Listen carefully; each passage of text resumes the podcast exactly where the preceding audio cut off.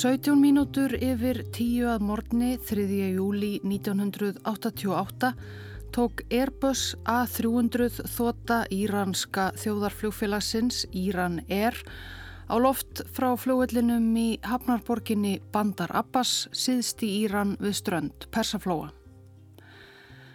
Vélinn hafði aðeins millilendi stuttastund í Bandar Abbas fyrir morgunin bálsnemma hafði Airbussin flóið suður yfir allt Íran frá höfuborginni Teheran í norðri.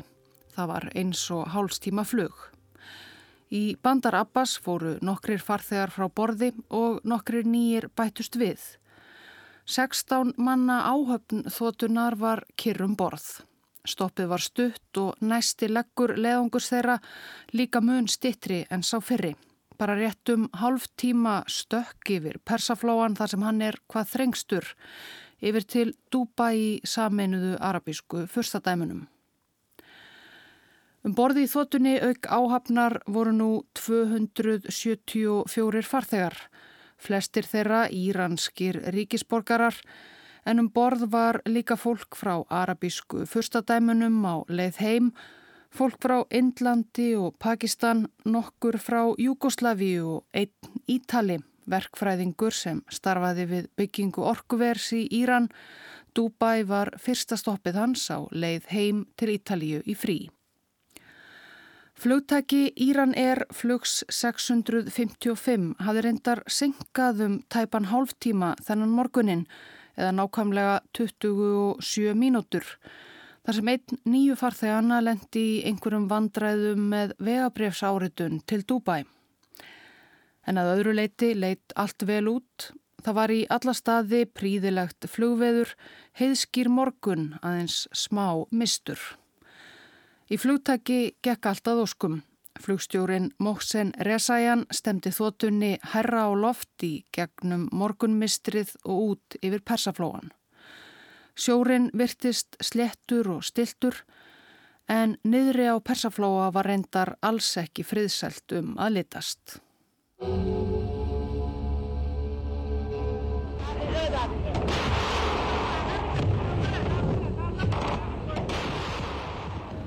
Tuttúast og annan september árið 1980 gerði flugherr Íraks óvænta árás á herrflugvelli í Granríkinu Íran. Landinnrás íraska hersins fyldi og Saddam Hussein fórseti og einráður í Írak lísti Írönum stríð á hendur.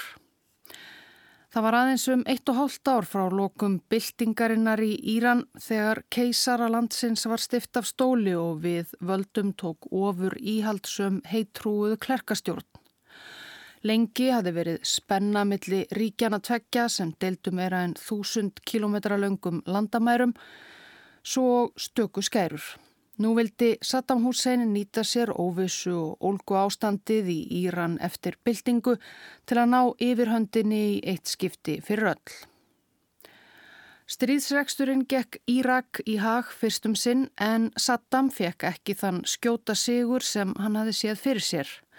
Íranski herin snýri svo vörn í sókn og réðst inn fyrir landamæri Íraks, stríði breyttist í langvind og mannskætt þrátefli og hjælt áfram árum saman. Hernaðinum á landi hefur verið líkt við fyrri heimstyrjöld, herrmenn sem grófu skotgrafir og hyrðust í þeim. Ríkin tvö bytust líka um yfiráð á Persaflóa sem í Araparíkinu Írak var kallaður Arabíuflói og þau reyndu að koma í vekk fyrir umferð skipa óvinarins um flóan, ekki síst umferð tankskipa með olju, helstu útflutningsafurð bæði Írans og Íraks.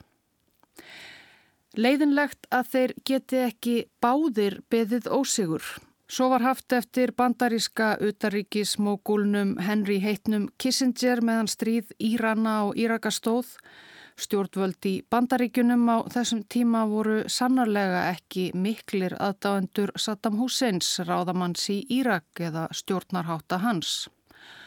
Bandaríkjumönnum var þó ennver við klerkana í Íran sem steiftöfuðu bandamanni þeirra keisaranum og bandaríkin óttuðust hvað gæti gerst ef Íranir sigruðu Írak og hegðu svo jafnvel á frekari landvinninga í arabísku ólíuríkunum hinumegin við Persaflóan.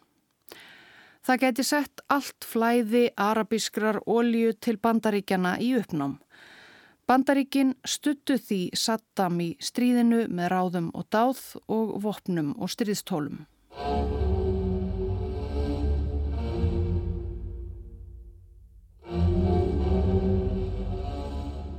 Árla morguns 3. júli 1988.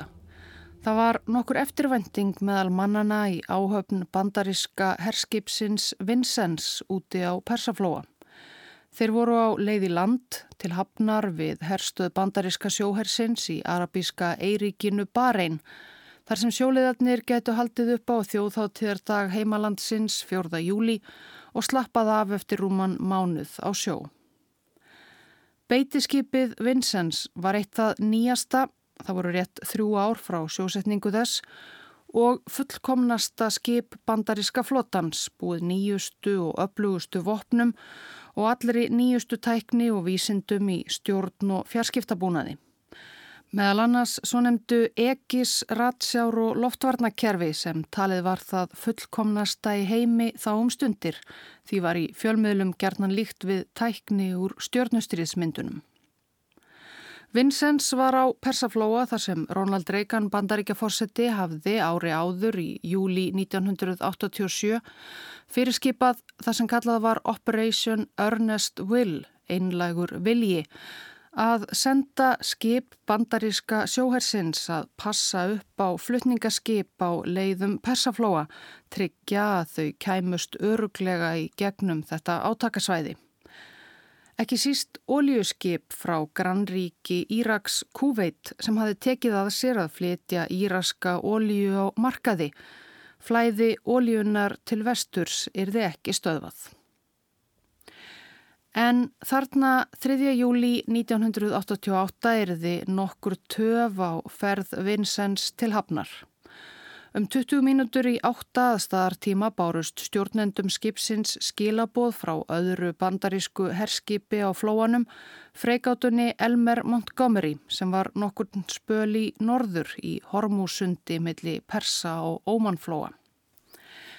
Þar voru líka 13 íranskir herbátar að gera sig líklega til að hrella varnarlaust flutningaskip frá Pakistan. Íranski herin átti stóran flota herbáta. Þeir voru gerðnan kendir við sænsku skipasmíðastöðuna sem smíðaði þá Bókhamar. Littlir bátar, 13 metrar að lengtað jafnaði, en snarpir og hraðskreðir og búnir vélbissum og sprengjuvörpum gáttu þeir reynst mun stærri skipum ansi skæðir. Skipherran á Elmer Montgomery byðlaði nú til kollega síns á Vincennes um aðstóð við að verja pakistanska skipið til kæmi. Skipherran á Vincennes, maður að nafni William Rogers III, tók umsveifalust stefnuna í Hormúsund. Hann sendi og þyrluna um borði Vincennes, Ocean Lord, af stað á undan til að kanna aðstæður. Korter í tíu þannan morgun 3. júli kallaði flugmaður Ocean Lord aftur til Vincennes. Hann hafði flóið yfir í rönsku bókamarbátunum og þeir hafðu skotið í áttaðunum.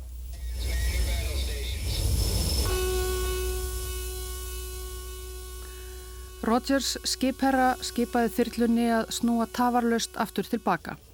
En sjálfur jók hann hraðan og stemdi skipi sínu beint að írönsku bátunum. Öll áhöfnu Vincents var ræst út á sína posta, allir í viðbræðstöðu.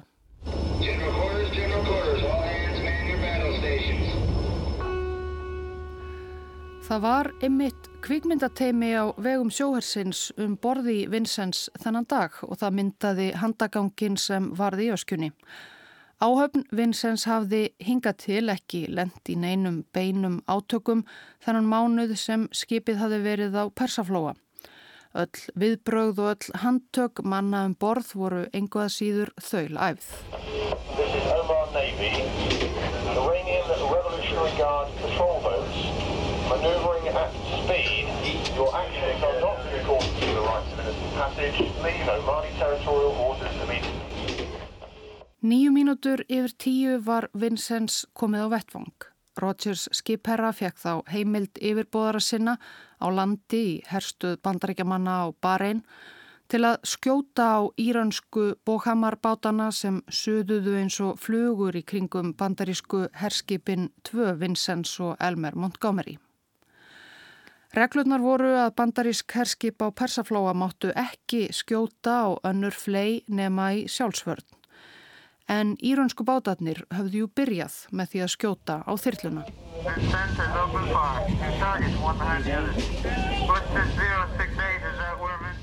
Vincents hleyfti af stórum beisum sínum í fyrsta sinn síðan skipið kom í Persaflóa. Tveir litlir bóhamar bátar sukku, eitt til viðbótar laskaðist. Aðrir nálægir bátar svöruðu með velbissu skotrið. That guy.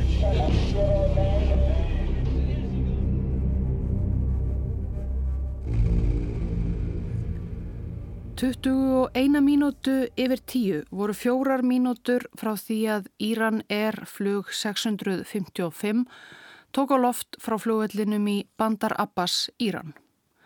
Vélinn var þá komin í um 1000 metra hæð og hafi náð 700 km hraða. Flugstjóri Móksen Resajan var við stjórntækin. Hann var 37 ára, mikill vinur Vesturlanda, hafi lært til flugmanns í Flórida. Hún var ítla við klerkastjórnina, einkona hans hafi flutt til vestur Þískalands með börn þeirra þrjú en hann hafi orðið eftir til að vinna en sem komið var. Resajan var þölvanur Airbus A300. Þetta var nýleg vél, örfára ára gömul og með þeim betri sem Íran er átti og hann var þölvanur þessari flugleið, aðstóðar flugmaðurinn Kamran Teimúri Sumuleiðis. Resajan flugstjóri fekk heimild flugumferðarstjóra í Bandar Abbas til að hækka enn flugið og tilkynnti síðan að hann væri á leið út úr umsjónarsvæði hans. Góða flugferð, óskaði þá flugumferðarstjórin. Takk og njóttu dagsins, svaraði Resajan flugstjóri og hjælt leið sinni áfram.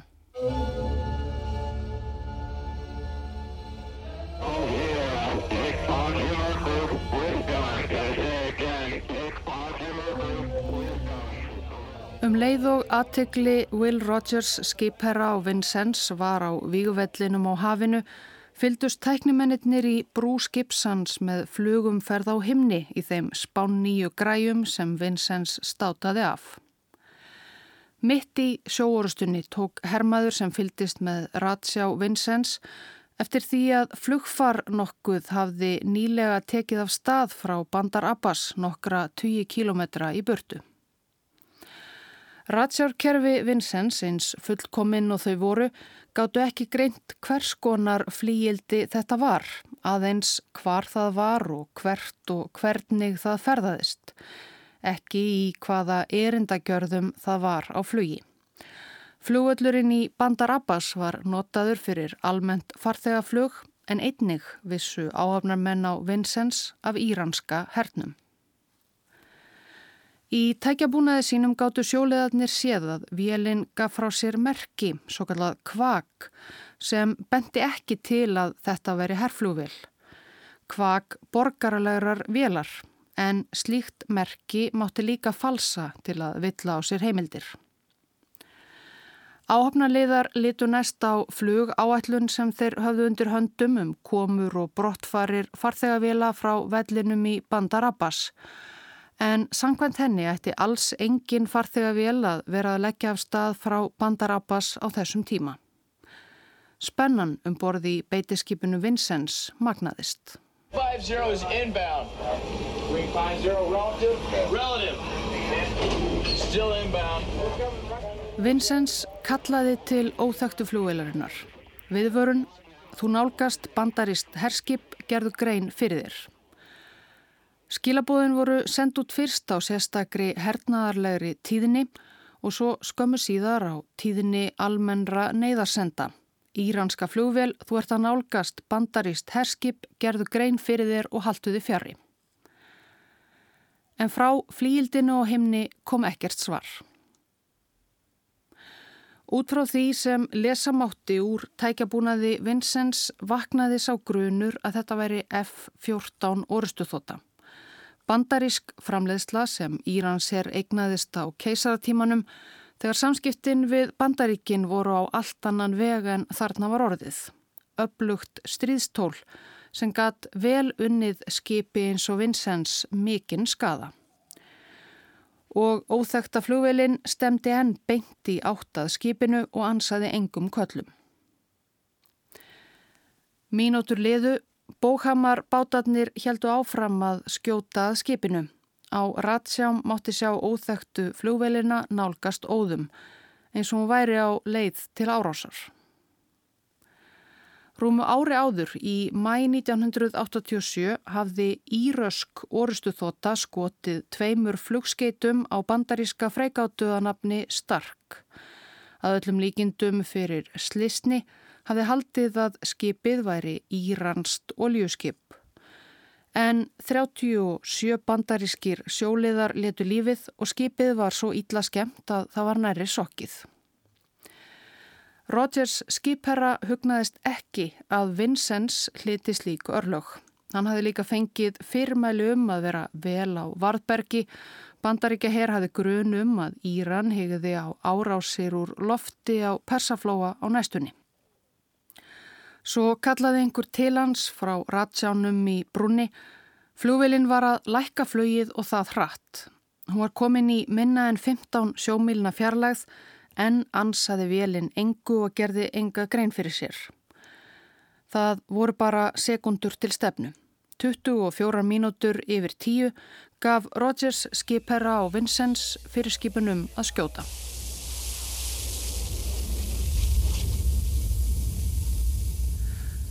Örskömmu síðar var tveimur SM-2 flugskeitum skotið á loft frá bandaríska beitiskipinu Vincennes. Í brúni beigð skipherra með undirmönnum sínum allir með öndina í hálsinum tíu sekundur liðu. Svo kom staðfestingin, annað flugskeitið hafði hæft vélina sem óknæði þeim.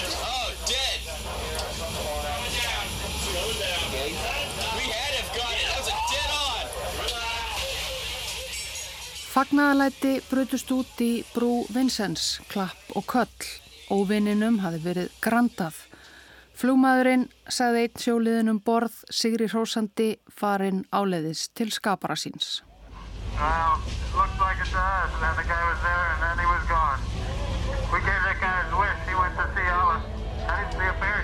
like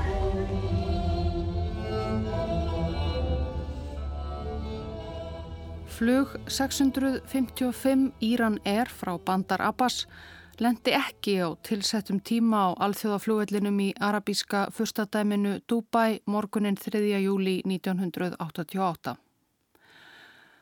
Flugturnin í Bandar Abbas hafði verið í samskiptum við flugvelina í upphafi þessa skotúrsennar yfir flóan. Þegar hætti svo að heyrast til velarinnar gerðu menni í Bandar Abbas einfallega ráð fyrir að velin væri komin yfir til flugumferðastjórnar í Dubai. Þetta var jú ekki löng leið. En í Dubai höfðu menn raunar alls ekkert orðið varir við velina. Það var eins og hún hefði bara horfið þarna einhver staðar yfir Hormúsundi.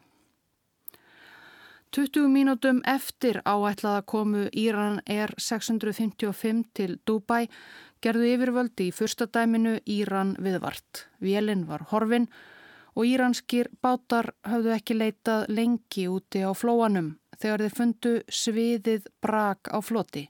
Sessur, sundurripnar, ferðartöskur og klæði, smádrasl sem greinilega var úr farþegaflugvill. Spjöld með upplýsingum um öryggisatriði um borði Airbus A300. Og svo lík. Á stiltum flóanum flutu líkamsleifar eins og hráfiði, karla, kvenna og barna. Það varð fljótt ljóst hvað hafi gerst þennan morgun á og yfir Persaflóa. Bandaríska beitiskipið Vincennes hafi skotið flugskeiti og grandað ekki íranskri F-14 orstuþótu á leið til árásar heldur Airbus A300 farþegaþótu Íran Air á reglubundinni ferð til Dubai með 290 manns innanborðs, þar af 66 börn. Flugskeitið hafði hæft ból Airbus þótunar aftarlega og rifið af vinstri vænkennar. Eldur kviknaði fljótt í hreiplum vélarinnar sem stiftist niður úr 4000 metra hæð í ljósum logum og að brotna í sundur áður en það sem eftir var svo skall á yfirborði sjávar aðeins örfáum andartökum síðar. Hvort Mósen Resajan flugstjóri eða aðrir í áhöfn þótunar eða þá farþegar náðu að verða einhvers varir áður en allt varum seinan, það vitum við ekki. Varla þetta gerðist allt svo hratt. Öllum borð letu lífið og flugriti í raunsku vélarinnar fannst aldrei.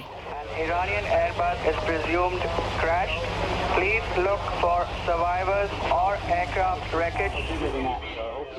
Kvikmyndateimið um borði í beitiskipinu Vincennes var ennað taka upp þegar fregnir fóru að berast í gegnum fjarskiptabúnað skipsins af íranska Airbusnum. Fagnaðalátum um borð var snarlega hætt. Good afternoon. The United States this afternoon acknowledged that a missile from an American ship in the Persian Gulf shot down accidentally an Iran Air passenger plane with 290 people on board. All of those people, passengers and crew, believed to have died in the crash. This was shown on Iranian television tonight. It shows rescue parties, Iranian boats, recovering some of the bodies from the water. Íranska sjónvarpið byrti fljótlega hrollveikjandi myndir frá Persaflóa af brækivjalarinnar og líkum á floti. Gríðarmikil reyði greipum sig í Íran, langflestir farþegarna voru íranskir ríkisborgarar. Og íranskir ráðamenn voru jú engir vinir bandaríkjana.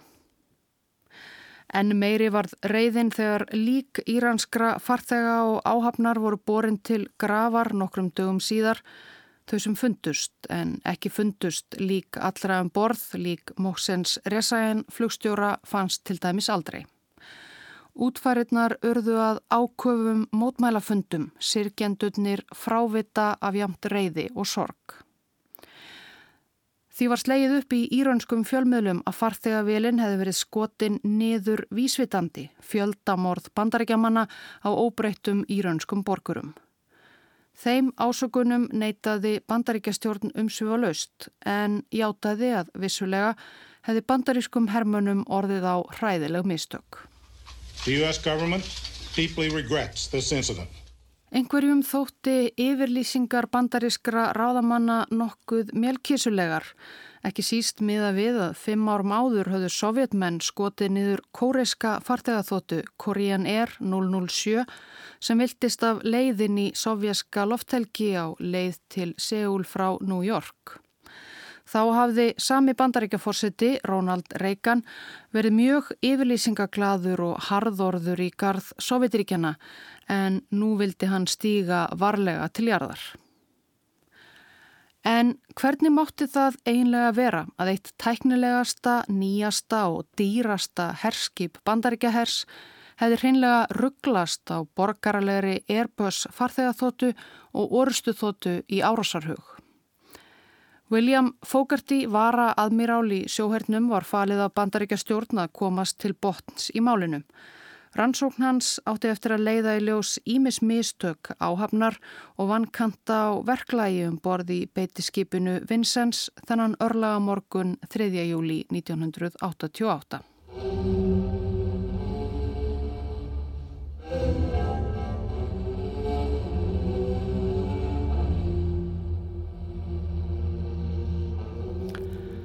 Sem fyrr segir var Vincents búið einu fullkomnasta ratsjárkerfi sem völ var á en það gaf þó ekki greint sjálft nákvæmlega hvers konar flíildi væri á ferð.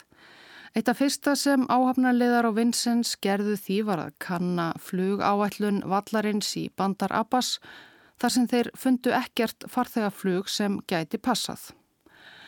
En eins og Fógarti vara aðmiráll kom stað í rannsókn sinni Þá var ekki að undra að flugtak Íranir 655 stemdi ekki við flugáallunina sem áhafnarliðar á Vincents höfðu undir höndum.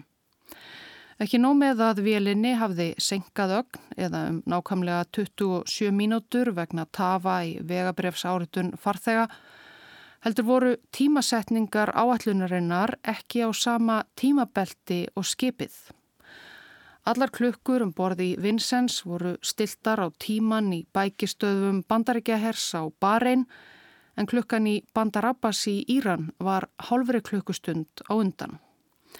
Tímasetningarnar á flugáalluninni komu því alls ekki heim og saman við tímanum borði Vincents, hvort sem flugi 655 senkaði eður eigi. Og fleira kom til. Sem fyrr segir tóku áhafnaliðar í raun ekki marka á að vélinn sendi út merki, kvak, til marksum að hún væri ekki herrflúvil, þar sem herrflúvilar gætu vel logið til um það. Fljótt urðu flestir í brú Vincents samfærður um að vélinn væri í raun F-14 orustu þóta og var síðan gengið út frá því við ákvarðanatöku. Sangant rannsókn bandaríkjastjórnar hafði þessi grunur fyrst kviknað vegna galla á þessum fullkomna ratsjárbúnaði sem síndi tæknimönnum um stund upplýsingar ekki um flúveilina sem var í loftinu heldur aðra sem stóð kyrra á jörðunniðri á flúveilinum í Bandar Abbas og var vissulega F-14 orustu þóta. Þegar áhöfn Vincents reyndi svo að kalla til velarinnar var fyrst notast við hernaðarlega tíðni sem Airbussin upp í hálóftunum hafði enga leið til að nema. Vincents kallaði kjölfæri til velarinnar á almennri neyðartíðni en því var heldur ekki svarað. Mögulega fóru þau skilaboð fram hjá flúmunum Íraner. Þeir hafðu í nógu að snúast svona örfa og mínútum eftir flugtak, voru í sambandi við flugumferðastjórn í Bandar Abbas og fleira eða þá þeir hreinlega áttuðu sig ekki á að þeir væru óþekta íranska flúvelin sem bandaríska herskipið væri að reyna ná til.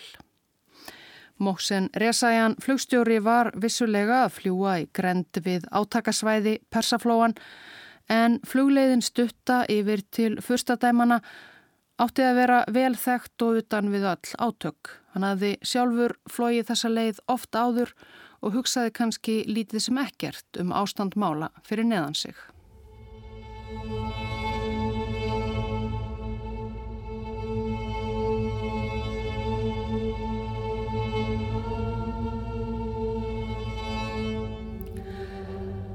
Ímislegt kom sumsi í ljós við rannsóknina. Eitt var þó sérstaklega dularfullt. Viðstattir áhafnarmenn á Vincennes sem William Fogarty varaadmiráll yfirherði fyrir rannsókn sína, þeir myndust þess allir að Vélinn hefði farið að lækka flugið þegar hún nálgæðist skipið, nokkuð sem benti óneitanlega til að árás væri yfirvofandi. En við lestur á gögnum úr Vincents eigin raðsjárkerfi komi ljós að aldrei á nokkrum tímabúndi hafði Airbus þotan í raun og veru lækkað flugið. Vélinn var enn á leiðinni upp eins og áallun hennar gerði ráð fyrir. Engin viðmælenda fókartís aðmirálskat útskýrt þessa algjöru mistúlkun á aðstæðum sem án Eva átti mjög stóran þátti í að Rodgers skipherra tók loks þá ákverðun að granda velinni. Sálfræðingar voru þá fengnir rannsókninni til aðstóðar. Niðurstaða þeirra var að áhöfnu Vincents hefði öll sem einu verið slegin fyrirbæri nokkru sem sálfræðingarnir kölluðu scenario fulfillment, uppfyllingu atbyrðarársar á íslensku kannski. Nefnilega, áhöfn Vincents hafði ekki áður lendi í beinum hernaði þessari ferð En áhafnamenn höfðu oft og margóft síðustu vikur og mánuði æft verklag og viðbröð við ímsum mögulegum uppákomum meðal annars ef áskipið stemdi orustu þóta í vígahug. Sankant atbörðarásinni í þeim æfingum lækkaði þótan flögið áður en hún lagði til allugu og sankant þeim æfingum var hún svo skotin niður. Þegar eitthvað í líkingu við þetta síðan gerðist í alvörunni, töldu sálfræðingarnir, hefðu sjóliðarnir á Vincennes verið með hugan við venjulegu sinna í æfingunum og þannig orðið handvissir um að flugvelin væri að lækka flögið og ekki tekið eftir því að ratsjár skjáirnir fyrir framann þá segðu í raun allt aðra sögu.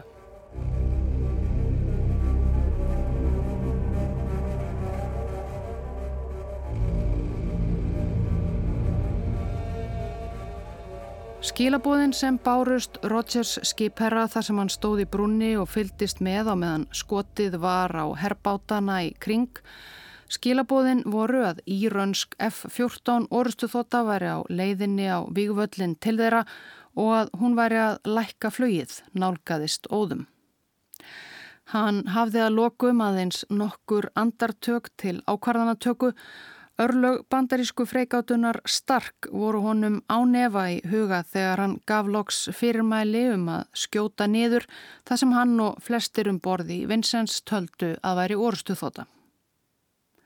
Niðurstaða rannsóknar Williams Fogartís vara aðmiráls var því að það hefðu sannarlega verið mistök, tæknileg og mannleg sem ollu því að Íran Air flug 655 var skotið niður. Hann taldi þó enga ábyrð liggja hjá skipherranum Will Rogers.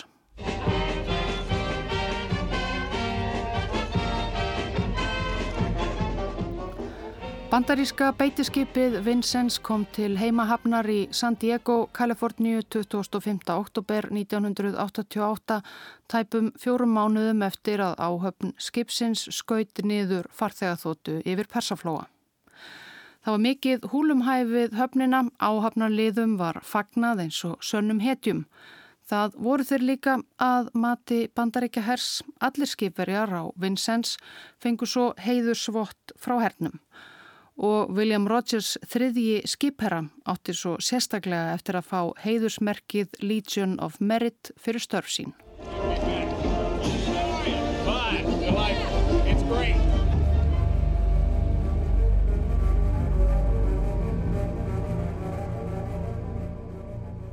Það voru ekki allir sammála niðurstöðu rannsóknar Fókartís aðmiráls. Vincents hafði ekki verið lengi á Persaflóa en stjórnendur skipsins þó þegar fengið á sig ákveðið orð meðal bandarískra sjóhermana þar fyrir að vera óþarflega herskáir og ágengir. Bandaríska freigátan Sæts var í um 40 km fjarlægð frá Vincennes þegar atburðir að morgni 3. júli 1988 áttu sér stað.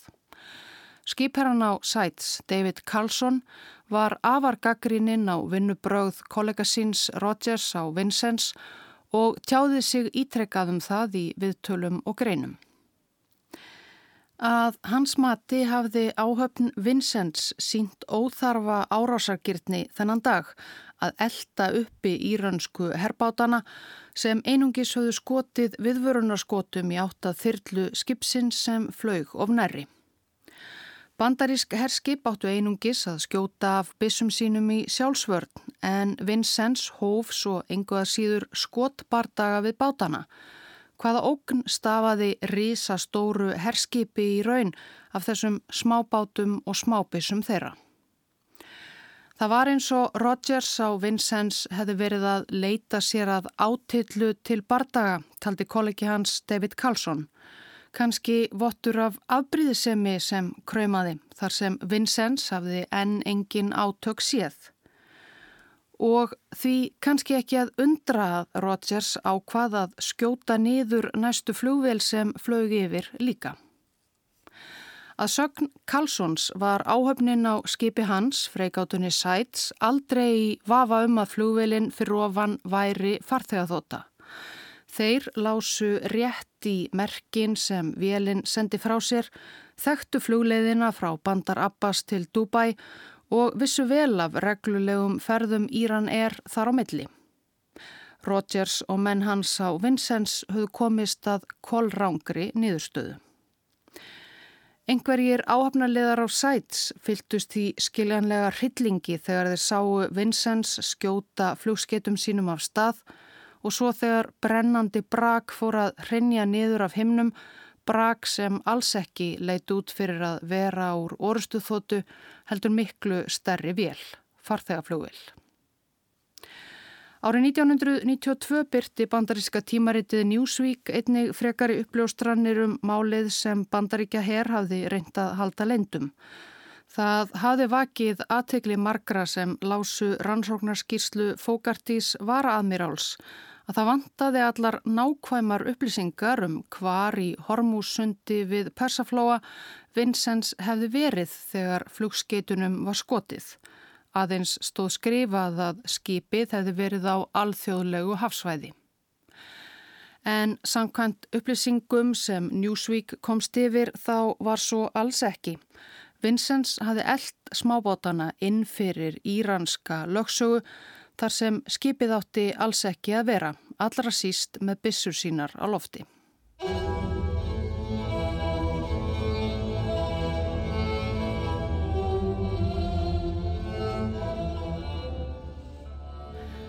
Í februar 1996 fjallust bandarisk stjórnvöld á að greiða Íran tæpar 132 miljónir bandaríkjadala í skadabætur gegn því að Íran fjalli frá dómsmáli sem landið höfðaði 1989 vegna Íran er 655 fyrir alþjóðadómstólnum í hag. Málið letaði mjög samskipti bandaríkjana og Írans árum saman en það varð reyði Írana vegna mannfallsins, ekki mikið minni þrátt fyrir greiðslu einhverja skadabóta.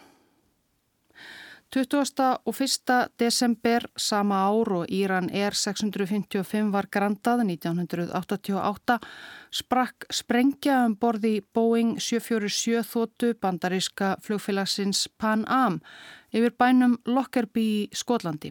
270 fórust, farþegarþótunar og fólk á jörðu niðri. Grunur vaknaði þá fljótt um að Íran hefði fyrirskipað þetta hriðiverk sem hemd fyrir sína írönsku þótu. En ráðamenn í Líbíu reyndust þó hafa verið að verki þar. William Rogers III neytaði öllum ásökunum kollega sinna og fjölmiðla um að hafa verið of árásargjarn eða hagað sér ógætilega. Hann starfaði áfram sem skipherra og Vincents í tæft ár til viðbótar, flutti sig síðan í land áður en hann saði skilið við bandaríska sjóherin 1991. Ári eftir það gaf Rodgers út bók Storm Center sem hann ritaði með einkonni sinni Sharon. Í bókinni fjallar hann um atburðina um borði Vincennes frá sínu sjónarhortni. Bókin er svo ekki síst um atvik nokkuð 10. mars 1989. Sharon Rodgers var úti að keira Toyota þeirra hjóna heima í San Diego. Á rauðuljósi sprakk rörsprengja sem komið hafi verið fyrir undir bílnum. Það kviknaði í honum og Sjáron átti fótum fjörað launa. Töldu margir sprengju ára á sinna hriðjuverk, hemdar aðgerð Írana vegna flugs 655. Bandaríska alreikislauraglan FBI kannadi málið til hlítar en fann aldrei sökudólkin þrátt fyrir margra ára rannsókn taldi FBI þó að lokum ólíklegt að íranski ráðamenn hefðu ráðist gegn Toyota þeirra Rodgers-hjóna. Líklega væri að málið tengdist einhverjum personulegum erjum sem þau áttu í heima í San Diego, skipherran og frú, en ekki var farið mikið nánar út í þá sálma ofinberlega.